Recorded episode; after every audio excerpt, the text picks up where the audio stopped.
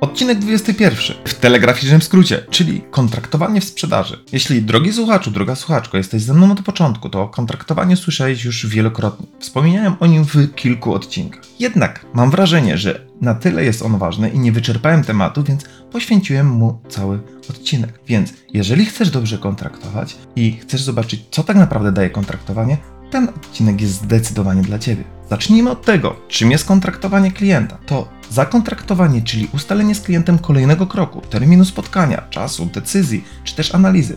To co ważne, udane kontraktowanie jest wtedy, kiedy klient potwierdza termin i wywiązuje się z naszej umowy. Inaczej kontraktu tak naprawdę nie ma. Jest to też mechanizm, który wpływa na skrócenie procesu sprzedaży. Lub inaczej, to narzędzie, które ma za zadanie zadbać o Twój czas i czas Twojego klienta. Przecież szanujemy się wzajemnie. Pozwala też zweryfikować pilność zakupu klienta i zbadać jego zainteresowanie. Bo co tak naprawdę klient chce uzyskać rozmawiając z Tobą? Może po prostu potrzebuje trzeciej oferty, bo tak stanowi ISO, lub standard, który mają w firmie. Szybciej pozwala na wyeliminowanie i zakończenie działań sprzedażowych, które tak naprawdę prowadzimy z nierokującym klientem. Drogi słuchaczu, droga słuchaczko, dlaczego nie kontraktujemy lub nie robimy tego precyzyjnie? Pierwsze, nie chcemy naciskać na klienta. Mamy często przekonania, że te działania są bardzo nachalne. Dajemy się zbyć klientowi, który spuszcza nas po prostu na drzewo, mówiąc, że sam się odezwie. Nie umiemy zadawać celowych pytań i informować o swoich intencjach. Po prostu nie mamy kompetencji.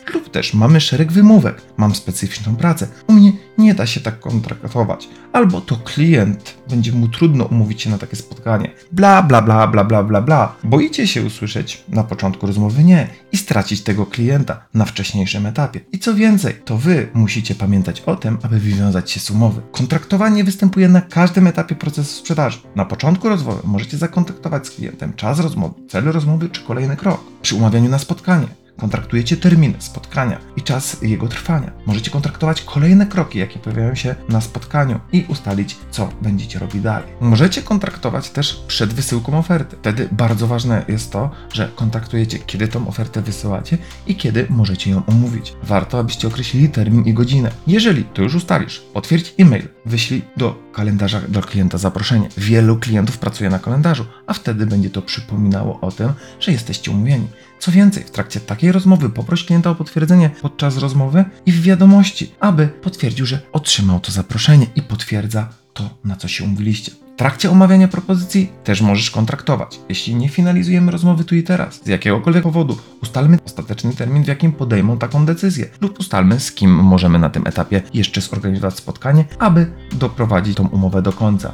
Zakontraktujmy też z klientem wycofanie się z oferty. Przecież klient ma prawo wybrać inną propozycję. Lepiej, że będziesz wiedział teraz, że decyduje się na konkurencję, niż będziesz czekał na to, aż klient sam o tym ci powie. A ty zamiast inwestować czas w klientów rokujących, będziesz cały czas żył u UDO. Podczas negocjacji ustal czas tych negocjacji, warunki brzegowe, bo może być tak, że klient w ogóle nie wpisuje się w Twoją politykę cenową i może tracisz czas podczas finalizacji. Ustal termin podpisania umowy, wysłania zamówienia, czy też płatności faktury. Więcej przykładów z samego kontraktowania znajdziesz w pełnometrażowym odcinku. A podsumowując dzisiejszy telegraficzny skrót, ważne zasady kontraktowaniu. Zasada pierwsza: kontraktuj wszystko co możliwe. Terminy, spotkania, telefony, decyzje, czas analizy. Zasada druga: umawiaj zawsze minimum jeden krok do przodu lub więcej. Zasada trzecia: potwierdzaj ustalenia za pomocą e-mail, SMS. Zasada czwarta: poproś klienta o potwierdzenie i ustaleń, tak zwane call to action, żeby też na co się umawiacie. Zasada piąta: wysyłaj przypomnienia.